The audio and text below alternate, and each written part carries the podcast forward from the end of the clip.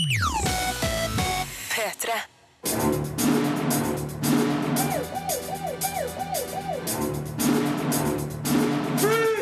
Filmpolitiet! What's your name, dude? Birger Vestmo. What kind of stupid name is that? Gem and the Holograms er en mislykka oppdatering av tegneserien fra 80-tallet. Elser, 13 minutter fra Hitler, er et vellykka krigsdrama om et mislykka bombeattentat.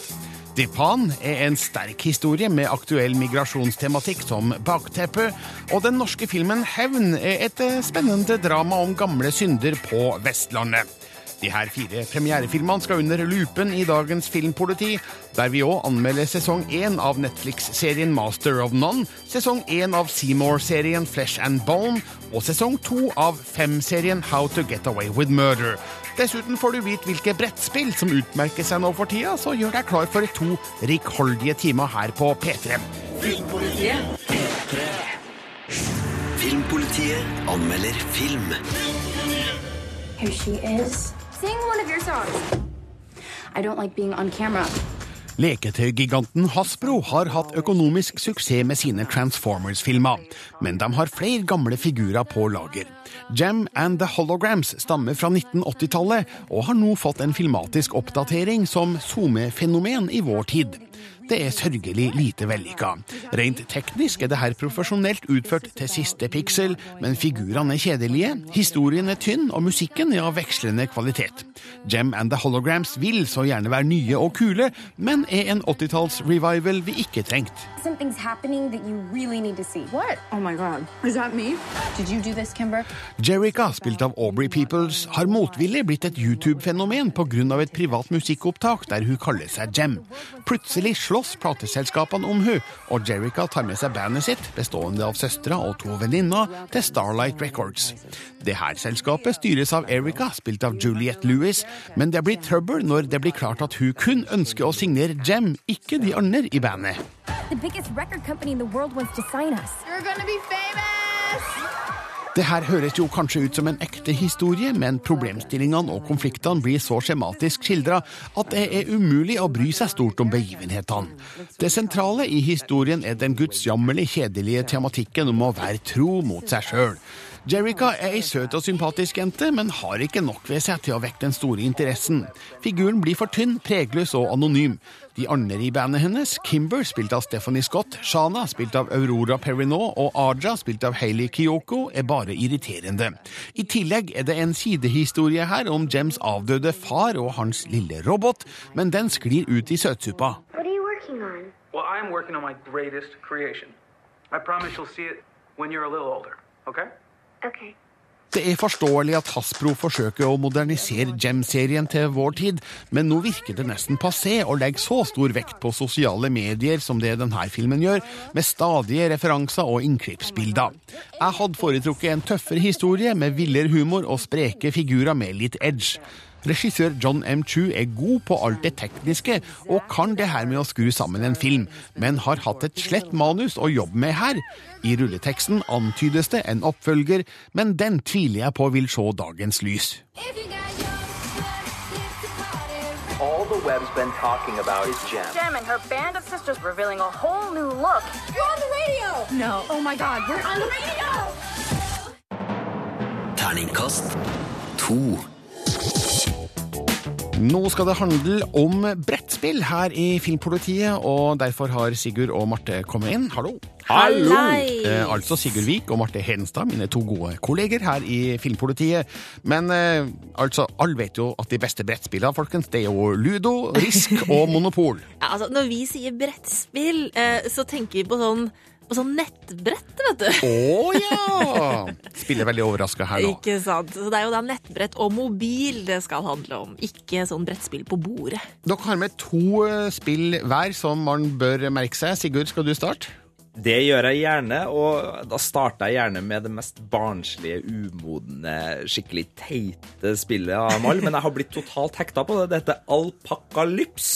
eh, og er da tematisk eh, spiller på apokalypsen her, men eh, det er da en spytteakopalypse. Du spiller en lama som skal forsvare deg sjøl ved å spytte på dem som kommer mot deg. De kommer i ulik høyde, så du holder inn ene tommelen for å liksom justere høyden din, og så spytter du som bare ville rakkeren med den andre knappen, og så treffer du da alle dine venner og fiender med klyser i trynet. Er det noen her som husker lektor Tørdal i Stumpa? De gamle Stumpa-filmene fra 50-60-tallet? det blir kanskje for gammelt for Du meg, altså. store alpakka! Ah, der. Eh, noen som husker Beavis and Butthead-spillet Hakk Alugi? Altså, jeg er så svak for spyttespill, men nå har det kommet en ny uh, spyttespillklassiker. Men Marte, du er mer moden enn meg. Ja, du, jeg eh, sverger til sånn greske mytologi og sånn jeg istedenfor spytting. Jeg har nemlig spilt spillet Astro, på, som kommer til IOS. Jeg har spilt på iPad.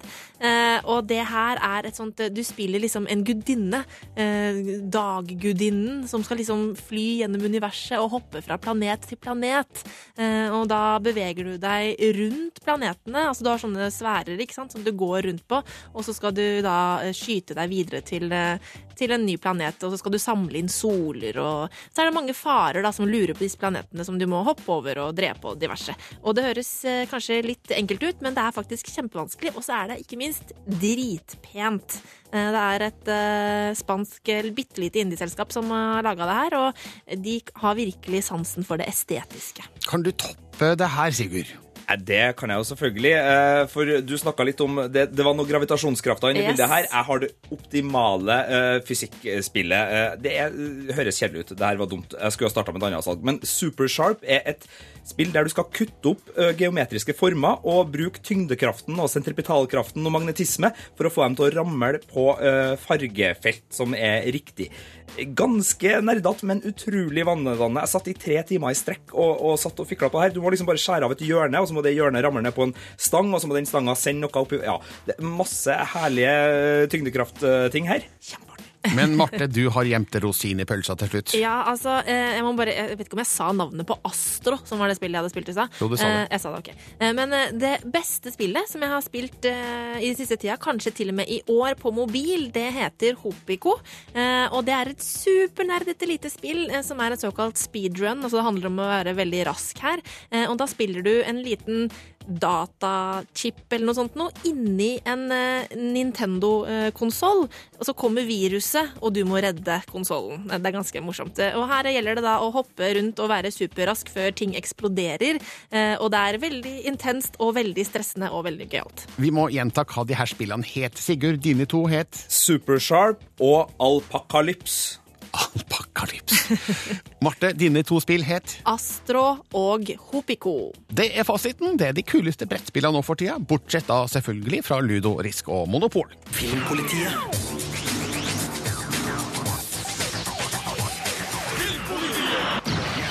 Filmpolitiet anmelder film. Wir grüßen unseren Führer mit einem dreifachen Sieg! Sieg! Sieg! Regissør Oliver Hirspiegel imponerte alle i 2004 med Der Untergang, filmen om Adolf Hitlers siste dager. Etter noen mindre vellykka engelskspråklige filmer, og da tenker jeg spesielt på The Invasion og Diana, er han tilbake i velkjent terreng. Elser, 13 minutter fra Hitler, er et velspilt krigsdrama fra virkeligheten, med en nær og personlig skjebne fortalt med store historiske linjer.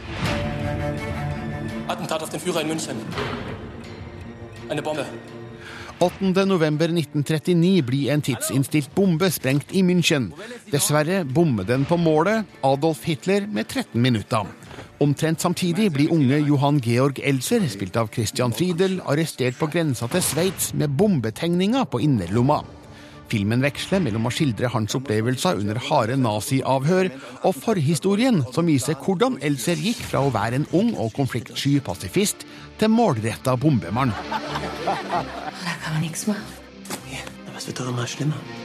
Hirschspiegel skaper en god nerve og spenning gjennom denne filmen, sjøl om utfallet er forholdsvis forutsigbart. Men det spennende her er hvordan Elser går igjennom sin forandring. Vi møter han som en bekymringsløs musikant og drømmer på starten av 1930-tallet. En fri mann som lever på småjobber og kurtiserer gifte Elsa, spilt av Katarina Slytter. Men ettersom nazistene får mer og mer innflytelse, gir filmen oss små, smarte drypp som forklarer Elsers gradvise forandring. Alle de her elementene turneres med god flyt og fremdrift. Da muss man sich schon sehr wundern, dass ein so unpolitischer Mensch ein Attentat dieser Größenordnung plant und durchführt. Elser 13 minutter fra Hitler ser ut som en stor og dyr film med førsteklasses tidskoloritt og produksjonsdesign. Skuespillet holder òg høy kvalitet, med Christian Friedels hovedrolle som bærende element. Han gestalter en figur som det er lett å føle sympati for, sjøl om han ikke fremstilles som noen reinhjerta speidergutt. Tvert imot er det kanskje hans svake personlighetstrekk som er årsaken til at hans heltemot gjør sterkere inntrykk. Welcher sag. Det er vanskelig å si hvor nært filmens Elser matcher den virkelige personen som er avbilda før rulleteksten. Men filmversjonen er et interessant og komplekst menneske i en godt fortalt historie som viser at styrke kan utvises fra uventa hold. Med Elser, 13 minutter fra Hitler, har Oliver Hirschbiegel laga sin beste film siden Der Untergang, og bør kanskje holde seg i Tyskland, for det er åpenbart i heimlandet han gjør sine beste ting. Sie meinen, Sie haben erreicht? Führer lebt. Ihr Mordanschlag ist gescheitert. Terningkast fem. Filmpolitiet anmelder TV-serie. I dag har Netflix premiere på Master of None, en ny humorserie på ti episoder med standup-komiker Aziz Ansari i hovedrollen. Som vanlig på Netflix kan du binge-watche hele serien, og det syns Sigurd Vik at du bør gjøre. Oh, fuck, fuck. What? What happened? Um, the condom broke. But you didn't finish, right? It's fine. Yeah, but there's those little guys that come out before the big party, you know? I want to get the pill. Jeg blir truffet av alt Aziz Ansari kaster mot meg i hans nye komiserie Master of None. Jeg elsker musikken, jeg digger humoren og jeg storkoser meg med den laidbacke stemninga. Jeg liker barene de henger på, jakkene de bruker, nabolagene de rusler rundt i, vennene de møter, og ja, jeg har vel til og med en liten skjermcrush på jenta Ansari blir forelska i. Serien er treffende og oppriktig i sine livsbetraktninger. Her blir tema som immigrasjon, feminisme, rasisme, alderdom og etableringsangst behandla med innsikt og høy gjenkjennelighet. You see the social network? The Indian guy is a white guy. No, no, I read that he's 116th Indian. Who cares? If you go back far enough, we're all 116 something. I'm probably 116 to black. You think they're gonna let me play Blade? Ansari spiller Dev, en 30-åring som bor i New York, tar strøjobber som skuespiller, nyter et lett strebersk singelliv som domineres av gode venner og en rimelig selvsentrert bruk av egen fritid. Hver episode fokuserer på ulike deler av Dev sitt liv. Fra problemer med å alltid bli bedt om å spille roller med indisk aksent, eh, til de moralske dilemmaene som følger når du prøver å ligge med en gift kvinne. There are a million things that guys have no clue about that are so annoying. Like what? So you remember when we went to brunch and we both Instagrammed a picture of that frittata? Ooh, that frittata was fluffy as hell. What are your comments? Yumtown. Population div. Check mine out. I wanna fuck your face. Den stramme formen gjør at de ulike temaene får festa seg godt, og nyansene kommer fint fram. I starten virker episodene veldig separat, men figurenes utvikling og bakhistorie vies masse plass, og handlingstrådene vokser etter hvert inn i hverandre på svært belønnende vis. Oh.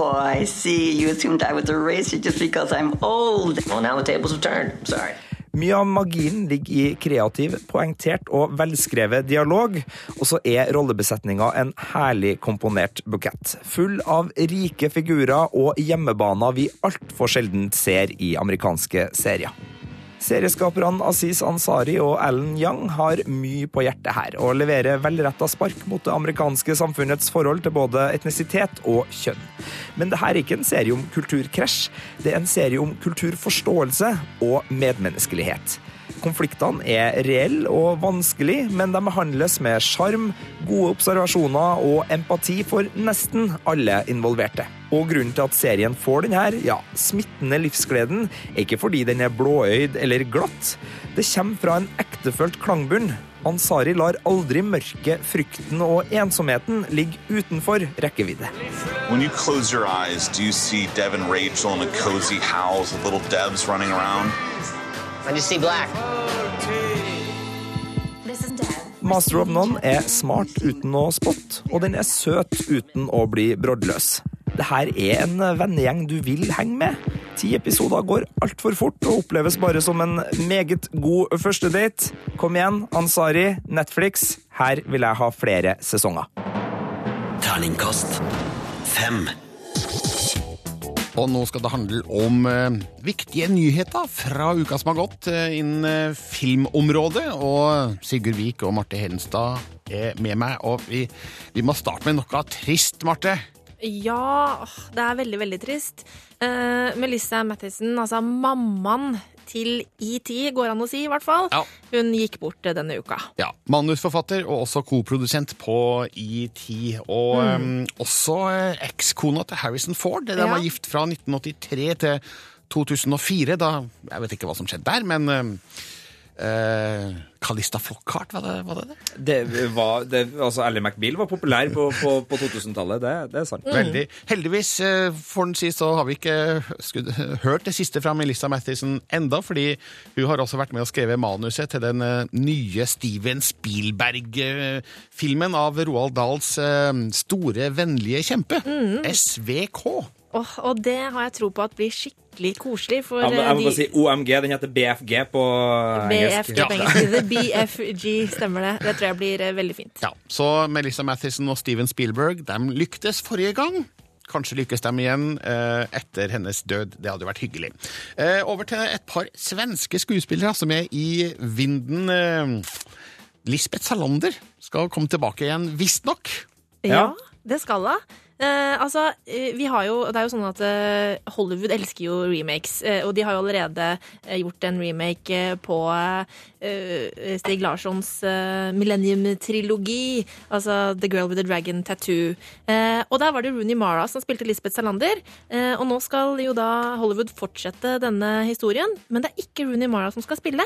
Det er, eller det er i hvert fall in talks, Alicia Vikander. Mm, spennende. Ja, og det er veldig spennende.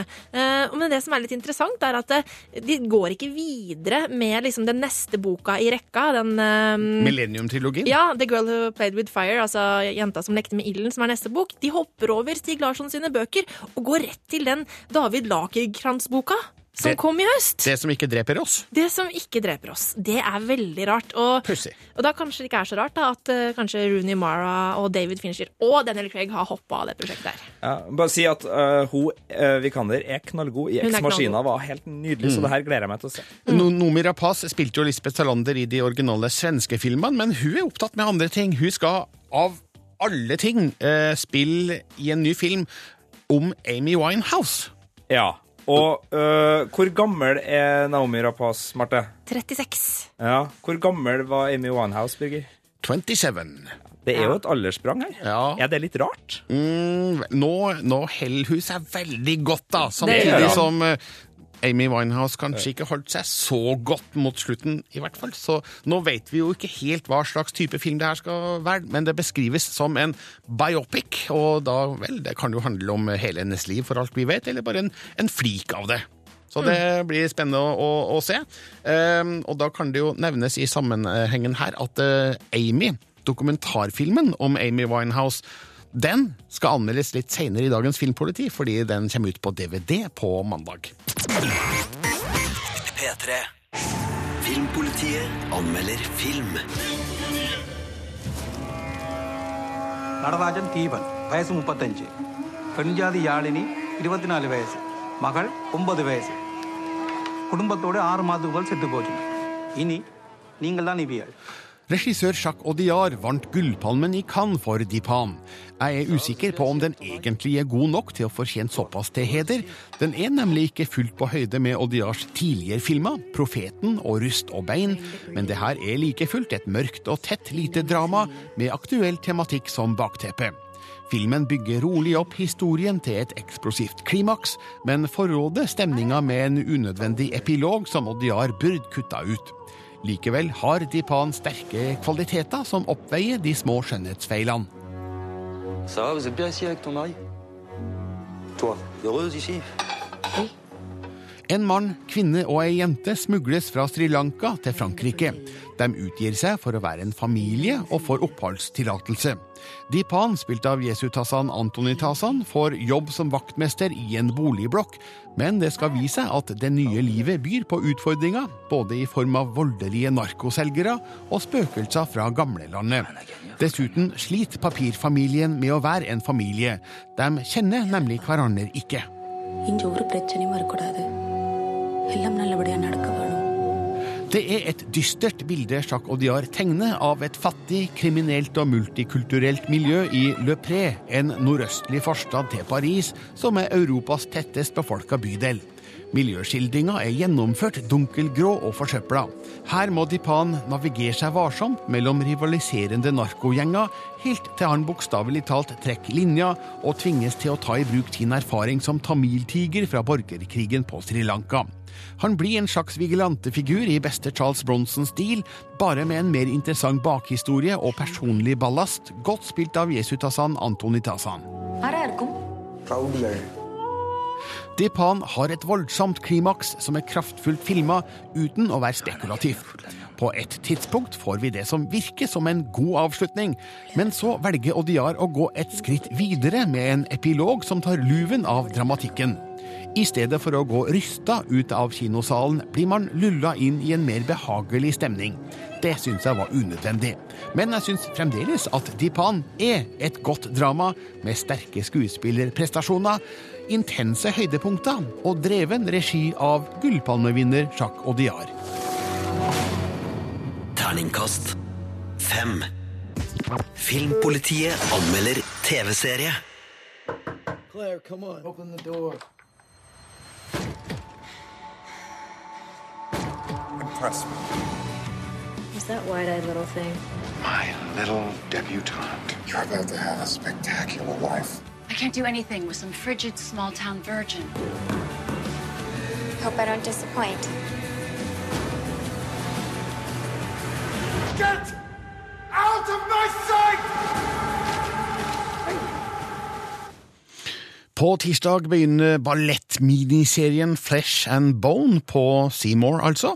Det er manusforfatter og produsent for Breaking Bad, Moira Wally Beckett, som står bak serien. og Det lover jo bra, men Marte Hedenstad, kan Flesh and Bone måle seg med Breaking Bad?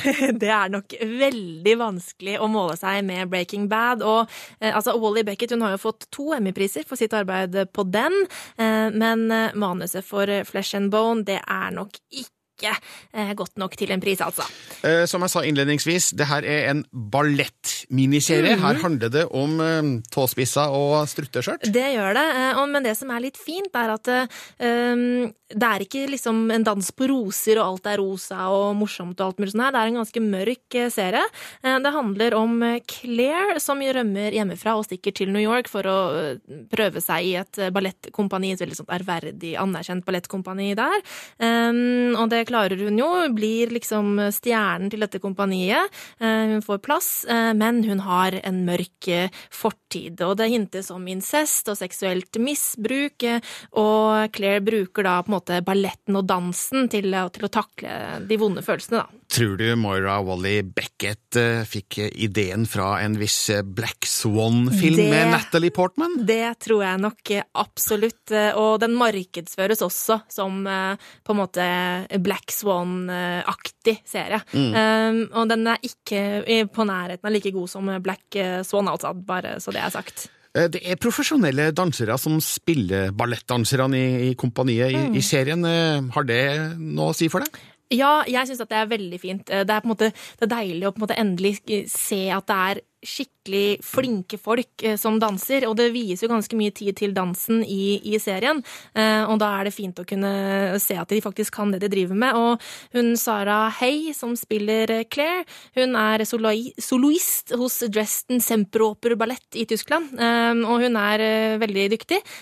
Og jeg ble faktisk så rørt at jeg begynte å gråte ved et par anledninger, for jeg syns hun var så flink. Så Men, men du er likevel ganske middels fornøyd Yes. med Flesh and Bone? Eh, og det er fordi at eh, i dette forsøket på å bli litt sånn mørk, eh, Black Swan-aktig, så eh, er det for mange temaer serien er innom her. Eh, I tillegg til ballettdelen så, og dette incest-temaet, så skal vi innom stripping, det er mafiavirksomhet og trafficking som er på en måte blandet inn i dette her. Men fordi at det er jo bare åtte episoder, eh, så rekker vi bare en bitte liten titt innom alle disse forskjellige temaene, og da blir det veldig overfladisk og ufokusert. Eh, Så det blir rett og slett litt rotete. Flesh and Bone eh, kalles en miniserie, så vi vet ikke om det blir mer, eller om det er åtte episoder som er Mhm. alt. Men uansett, det her starter på Seymour på tirsdag, og du, Marte Hedenstad, gir Terningkast tre.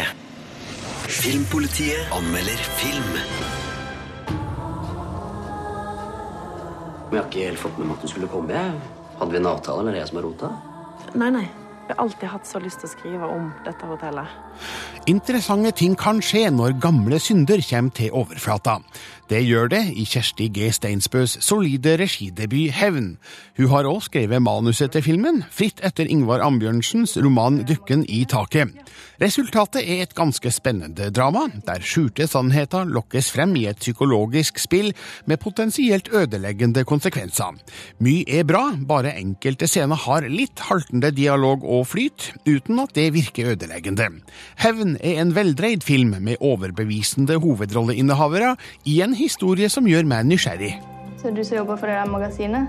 Ja. Men nå skal du intervjue Morten. Hvorfor det, da? Rebekka, spilt av Siren Jørgensen, kommer til ei idyllisk vestlandsbygd under falskt navn.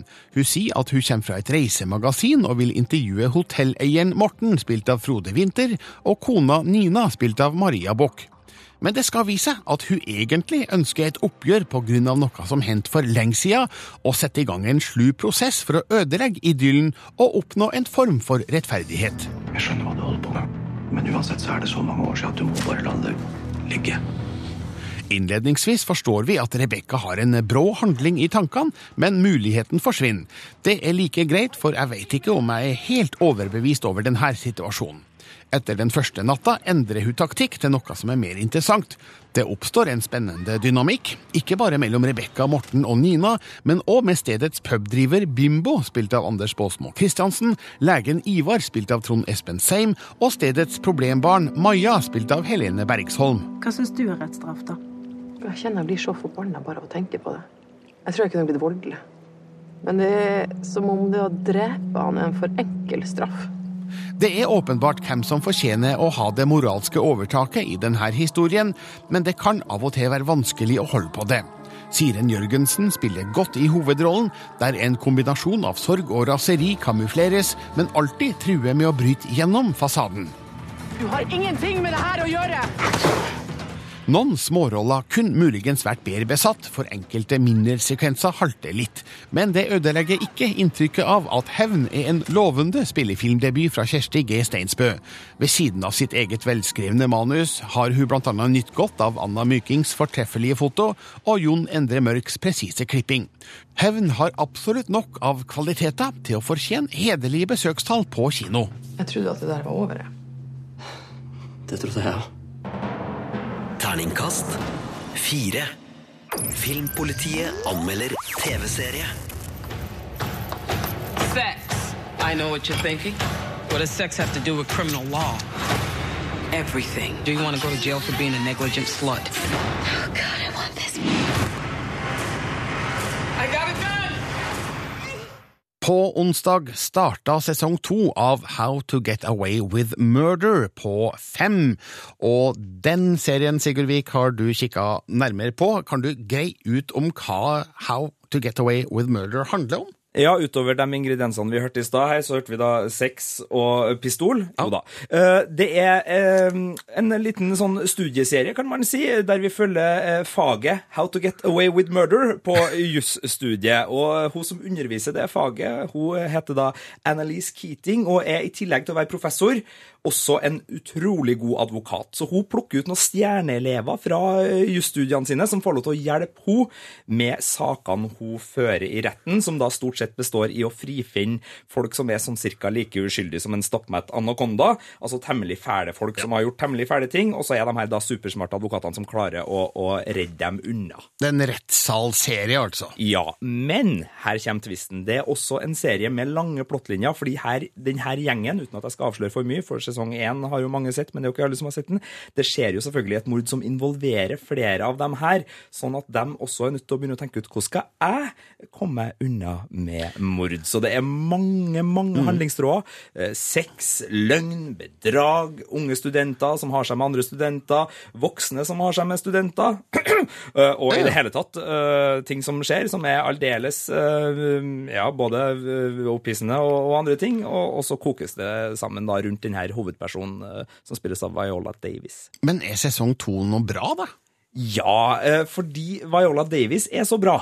Hun er så knallbra. Ja, hun vant Emmy for eh, beste kvinnelige skuespiller. Og det syns jeg var helt rett, for hun er altså det, altså det, er så mye ubegripelig som skjer, men hun klarer å holde det sammen. Hun spiller med et, en sånn nerve og intensitet som er helt nydelig å se på. Så det er egentlig bare Viola Davis-show. Ja.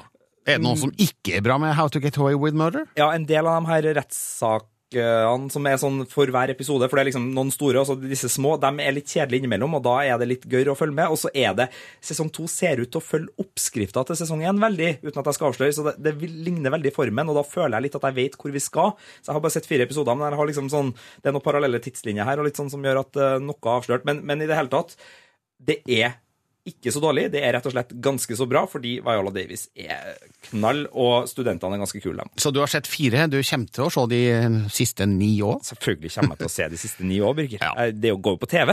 How to Get Away with Murder sesong eh, to starter altså på fem på onsdag og går onsdagskvelda fremover, og kan også sees på SBS Discovery sin strømmetjeneste Dplay. Og her er Sigurd Viks karakter. Terningkast fire Filmpolitiet. på P3.